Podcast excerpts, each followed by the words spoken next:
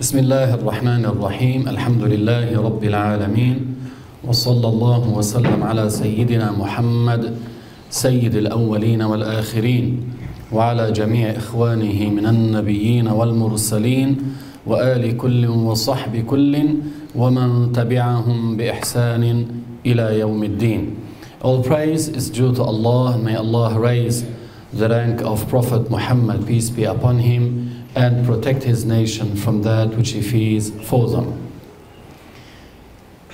Dear youth, thank you for coming tonight to attend this lecture about drugs and alcohol, which we called a breaking point. A breaking point in your life. That's the point of destruction, that's the meaning of it. So you think about this title consuming drugs and alcohol is a breaking point. That's when you start going to your destruction. So you gotta think many, many times before even trying to try any of these things. And uh, we're gonna have a motto, inshallah, which is be smart, don't start. Don't start any of that. Now, if you were to look at our society in general, you will realize this fact that many destructive practices, such as the usage of illicit drugs and the addiction to alcohol, have prevailed in our Muslim societies, unfortunately, especially amongst our youth. If these practices are left without any action or even attempt to stop or minimize them, then these diseases may reach our homes without realization.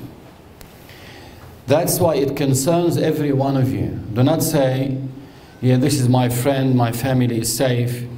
Yeah, that friend, because he is a friend of yours, he might transmit this disease to your house. If today you are refusing, tomorrow you may try. That's why you gotta be careful. The friend, as the scholars said, will drag you either to the bottom of hellfire, to hellfire, or to paradise. He will drag you. If he is an unbeliever, he will drag you to sins, and you may end up committing blasphemy and dying as a blasphemer. Because the Prophet ﷺ warned us in the hadith against what? Befriending an unbeliever. Now, if there is a believer who is a major sinner, that is a harm to you to befriend. But imagine if he is an unbeliever. He doesn't have borders. So he will be crossing all borders and he will be doing all the haram. So that's why he will open all the gates of evil for you. And because you are accompanying him, befriending him, today you may refuse to take something from him, but tomorrow you may try. Then after that, eventually you become addicted to all these things. So this is a fact about our societies. This disease is widespread in our societies. Unfortunately, the youth are suffering from all these issues and that needs treatment. We need to put some effort. For any society, drugs and alcohol are two destructive elements. They destroy any society. Even if they are advanced in technology, but these things are destroying societies. And uh, you know, those who take drugs and drink alcohol, they will be at high risk of committing crimes. That's why in societies where they consume alcohol and take drugs, you see that these crimes are higher in percentage. Now, this verse in the Quran will give us the judgment about consuming alcohol. And this verse 90, 91 from Surah Al-Ma'idah. يا أيها الذين آمنوا إنما الخمر والميسر والأنصاب والأزلام رجس من عمل الشيطان فاجتنبوه فاجتنبوه لعلكم تفلحون.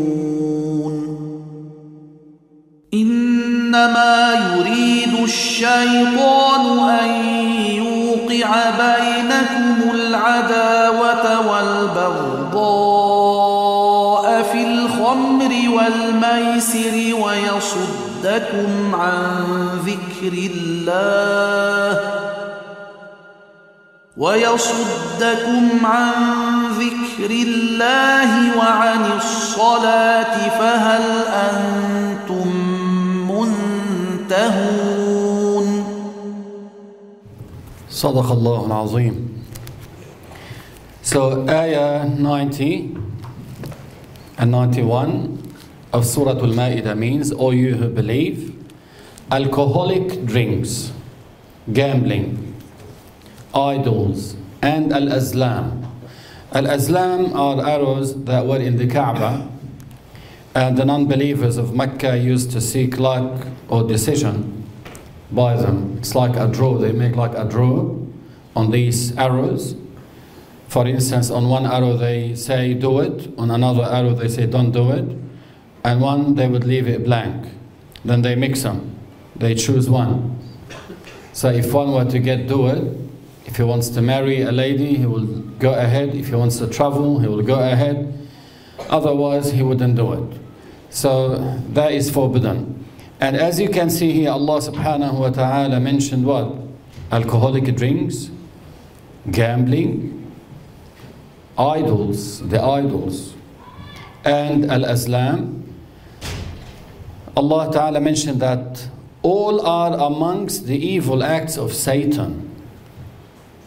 Avoid them all so you may succeed. In the continuation of the verse, it means that the devil is trying to spread enmity and hatred and grudges amongst you through consuming alcohol and through gambling and to keep you away from the dhikr of Allah Azza wa Jal and the prayer.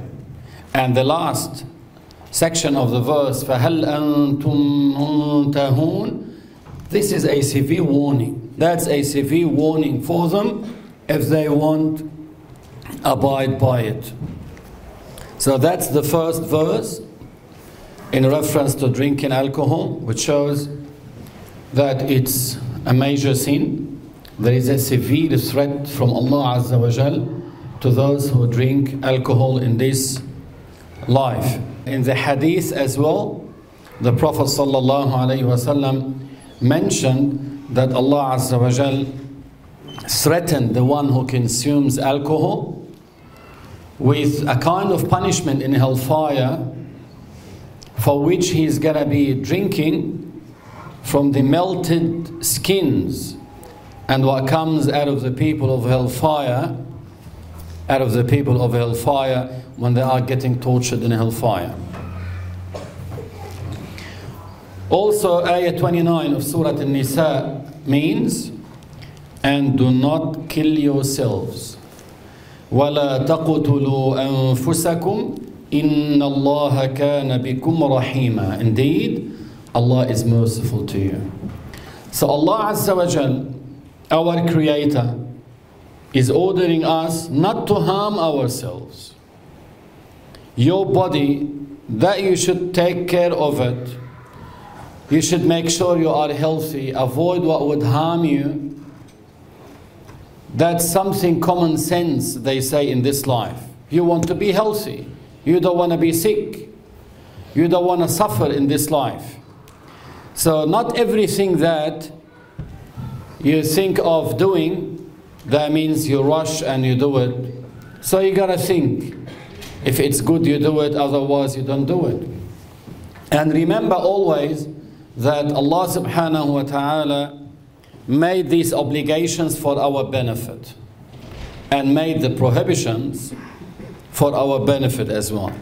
So when we avoid what is haram, it's for our benefit. When we do what is an obligation, it's for our benefit. So if you are a practicing believer, your life will be different. So you'll be away from all of these things. That's why keep in mind by implementing the religion and practicing the religion, you'll be in a better situation. However, if you choose to take the drugs road, you need to understand this is the road to your death. Now, everyone is going to die.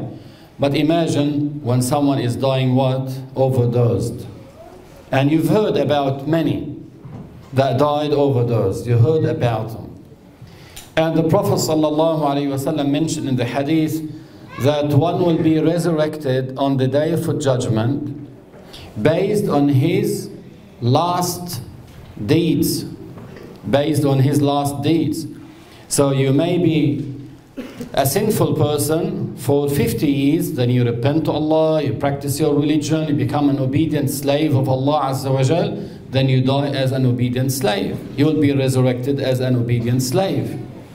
But if you were born as a Muslim from Muslim parents, then you started drifting, committing all these sins, taking drugs, then in the end you died overdosed with drugs, then you will be resurrected on the day for judgment with those sinners.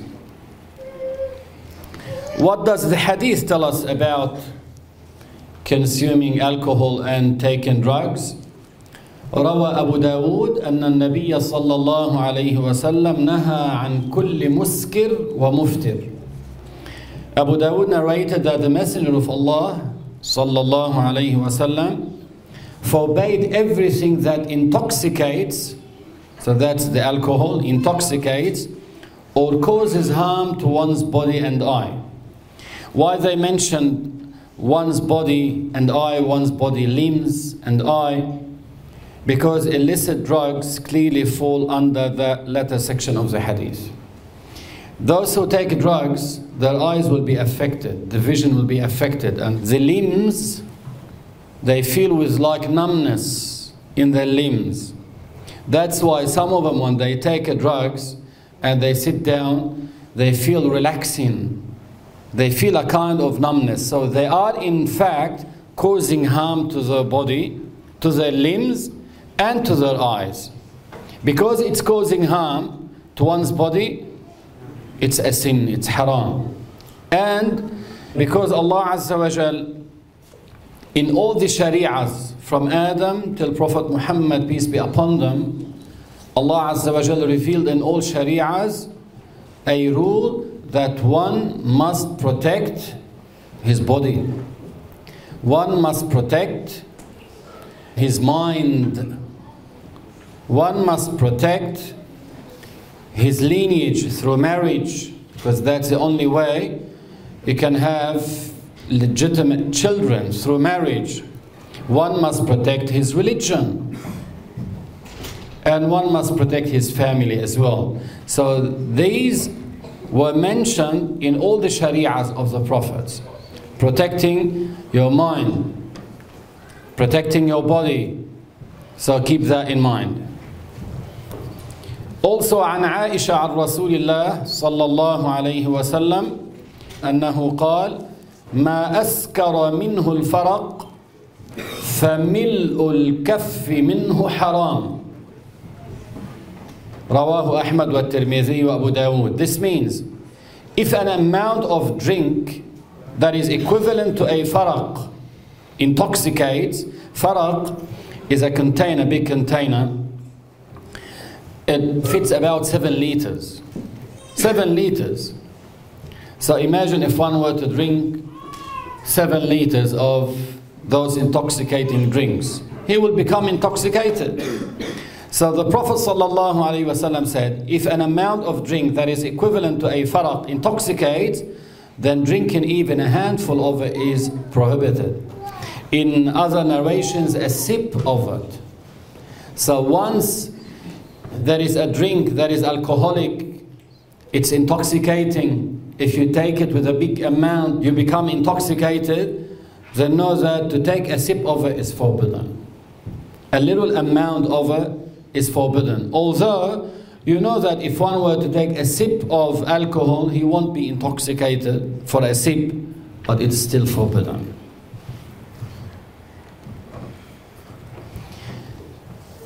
What do the scholars tell us as well? An-Nawawi, who is from the Shafi'i school, in his book Al Majmu', he said, وهذه الحشيشة المعروفة So you know that it's not something new, something in the past. Hundreds of years ago, they were exposed to these types of weed and cannabis. So hashisha means cannabis, weed. Hashish, they say in English as well. And it includes as well the pot, marijuana, all these things.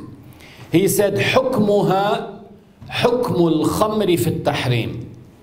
What does that mean? Imam al-Nawawi in his book Al-Majmu' said, this known weed, hashish and other products is forbidden as drinking alcohol is forbidden.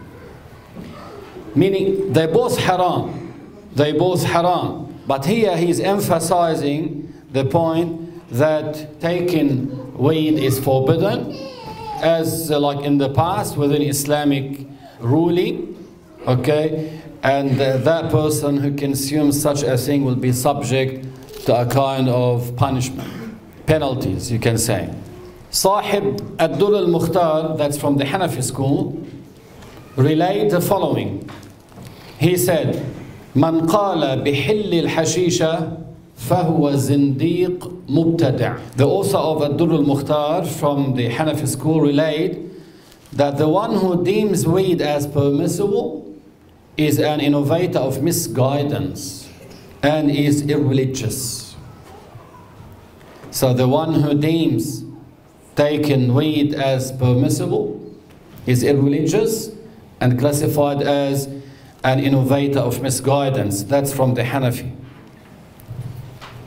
Ibn Abidin is the one who wrote explanation on the previous book from the Hanafi as well. What did he mention? The explainer of Ad-Dur al-Mukhtar from the Hanafi school narrated from Ibn al-Bitar that consuming weed, even with a small amount, affect one's state of mind.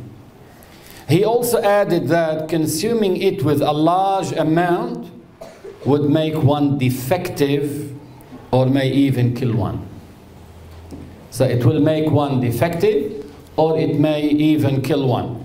This statement, this statement for Ibn Abidin clearly shows that even if one were to claim that I want to consume it with a little amount, with a little amount, yeah, still it will cause a damage, a defect in that person. And as he's doing this days after days, that may lead to his death. Al-Hafiz ibn Hajar al-Asqalani relate from some scholars that consuming weed may lead to 120 types of harm in one's religious and worldly matters. They mention them. If I were to put them here, that lecture will be long.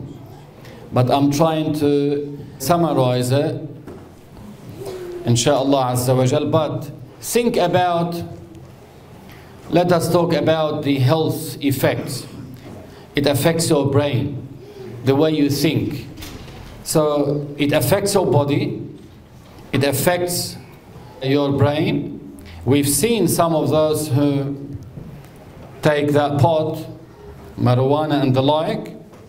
I met some of them. Where you see their eyes, they become yellow, they start having darkness underneath them, they uh, will have a kind of insomnia and other problems, then they won't be able to go to work, they lose their work, they suffer financially. So, all of that will happen to his situation. Plus, he's going to affect all those around him. He's going to affect his parents. His parents will cry. Will cry with burnt hearts because they raised him not to be a junkie at the end. They raised him so he can be educated, he can benefit others, not to break their hearts at the end. Unfortunately, some of the youth, when they start growing and they have mustache, their parents can't talk to them. Even they want to have what they call it freedom. They want to go out. If their parents were to ask them, Where are you going to? No, see my friends, I'm going somewhere. He doesn't even look at his parents, and that's from the disrespect. When he goes and he doesn't tell his parents what's happening, day after day, month after month, he starts taking all these diseases. It starts affecting him. Then, in the end, maybe the police will call them and they tell them one, two, three. I'll give you one example because I'm not talking about people in, in another country or uh, something in the past that no longer exists. No, we're talking about realities, facts. So these facts, we had a father, a good father, who used to come and pray with us in the mosque. He's a good man. He was a caring father. His son became, you know, an adult, finished his study, started working, making money, and that's what you call a, the point that is very honestly critical. Because parents would think, yeah, he's at work. Yeah, they finish uh, late. And if he tell his parents, yeah, I'm finishing late tonight, usually like uh, they say, okay. But if he's doing something wrong, they won't be able to know. Anyway, that person had a son. Unfortunately, he started taking drugs. And I'm telling you, it's not drugs only. Drugs will lead to other things. Drugs will lead to other things. As the Prophet said about drinking alcohol, he said it's the key for every evil. And taking drugs is a key for every evil as well. So one day, subhanAllah, that person prayed Isha, went back home. That was in a weekend. Then he slept, and his son will finish work, will come back home. He slept, that father, in the morning around maybe six o'clock. Someone was knocking on his door. He opened the door, two police officers. They said to him, You have a son whose name is 123? He said, Yeah. Do you know anything about him? He said, He's supposed to be sleeping inside. They said to him, We have bad news for you. Your son was found dead in one of those motels, Formula One, overdosed. He said, Why did he go there? And they told him he was with his girlfriend. So imagine this person who was raised by his Muslim parents to reach a stage, he ended his life with these major sins committed fornication. I don't know if he drank alcohol as well. He took drugs and overdosed with it, and he died. This is how he ended his life. Just you can imagine what's going to be his situation in the hereafter. If one were to enjoy, think about any kind of enjoyment in the world. I'm asking you that question. Usually, people now they fight for what? Even countries, they fight for money. That's one thing. People may fight for what? Position. Position in society. One wants to be in a higher position in the society. They fight on women. They fight on women. That one person may kill another one for a girlfriend and so on. These things, these are they consider. And now, if you were to say drugs and alcohol, from these what they call them enjoyment in this life, this is how they enjoy now. Imagine one thing. If one were to bring like an oven, oven, big oven, and ignite it, make sure the fire in it is intense, then he comes to you and says to you, What do you think of any pleasure that you may wish to have? A beautiful girl? You want to fornicate with her? We'll give you that time. But after you do that, you come to us, we'll put you in the oven. Would he do it? He won't do it. If they say to him he wants drugs, we'll give you the drugs that you want, but then we'll put you in the oven to get burned. He won't accept it. So why he wouldn't accept this, knowing that if he were to commit the haram and die in that state, he may be admitted to hellfire that is way more severe. The Prophet mentioned that the fire on this earth altogether will be like one part out of 70 of the fire of the hereafter. One part out of 70 of the fire of the hereafter. Who would put himself in such a situation where after committing that sin, he may die while committing that sin, he may be tortured in hellfire? The scholars said, brothers and sisters, if one were to be given all the pleasures of this life, then he will be immersed in hellfire, one dip. He will forget all the enjoyments he's seen in his life. Will forget them. One dip in hellfire. So before you do any of these haram acts, ask yourself a question is it worth it that I commit this haram? Then I'll be in hellfire for this. Is it worth it? You find that the answer that it's not worth it. Now, there is something before I conclude by what is our role. If a person were to ask, Can I quit? The answer is what? What's the answer? Yes. Of course you can. Of course you can. Even if you are on heavy drugs, you can quit. It's not impossible. All what you need to do is to be strong, to be strong, to stop it. There is uh, a person that came to me, and he used to be on heavy drugs. Then he stopped it. Then he became a good person, he got married, had children. So he's a good father, he's a good person.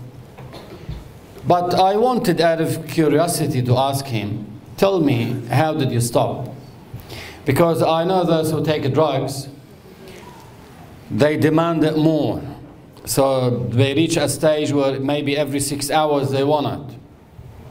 And because if they take pills, as we showed you in the picture, after a while that pill wouldn't do the purpose. They start taking injections. Then one injection won't be enough for them. They take another injection. And so on until they one day they overdose and they kill themselves. So I asked this person, I asked him, how did you stop? How did you quit? Subhanallah, because he's a good person and he's willing to stop, he said to me, It was very hard. But Alhamdulillah, I managed to get out of it. I stayed at home.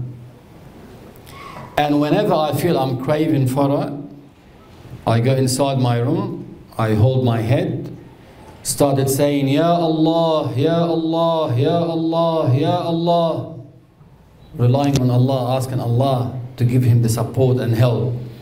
After a while, he settles down. The following day, the same. The following day, the same. Gradually, gradually, alhamdulillah, he managed to get out of it. So it is manageable, it is curable. You can get out of it, you can stop it, you can quit, but you need to be determined. Now, our role, everyone has a role. As a friend, you have a role. As a father, you have a role. As a mother, you have a role. As a teacher at school, you have a role. As a sheikh in the mosque, has a role. As other figures in the society, everyone has a role to play. And the Prophet ﷺ said, Every one of you is responsible for certain people, and he will be questioned on the day of judgment about this responsibility. Until when you want to remain silent, not talk about your friend who is taking drugs because you think you don't want to snitch on him, you don't want to tell his parents. If you are a good friend, when he starts taking drugs, you approach him straight away. Tell him this is haram, don't do this you become addicted to it, your life will be destroyed. Look at those who are taking drugs, how they have become destroyed. So you mention all that. If he's not listening, you may go to his father and tell him, Look, I'm warning you, I told your son, but he's not stopping. And maybe his father will deal with him, will stop him, inshallah, in a way.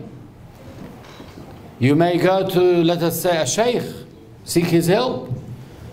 Say, I know this guy, he may listen to you. I want your help to convince him to stop, inshallah Azza wa Jal. You do that. But don't remain quiet about it. Don't be silenced and you say he's my friend. I don't want to dob him in as you use that expression. That's wrong. If you really care for him and you love him, you don't want him to be in hellfire. You know he is taking the route to hellfire. If you love him, you care for him, you try to stop him in any way. You try to stop him in any way. So, everyone has a role to play, and let us play our role. Let us advise one another, and let us clean our society from all this rubbish as much as we can, inshallah azza we eliminate it or we minimize it, but we do our best. If you know of someone who is selling pills, to others ecstasy pills, whatever they call them, yeah, even sometimes you need to tell a person in charge to stop him from doing this. You have to. Because he's harming others. If you remain quiet, and you say, yeah, he's not selling me these pills to me or my children, one day they will reach your children. That's why you have to think about this, take this advice. And uh, we gave you the rule from the Islamic perspective, yani religiously. It's haram to consume alcohol with little amount or big amount. That's haram. It's a key for every evil, as the Prophet said and for uh, many crimes happening around the world as well.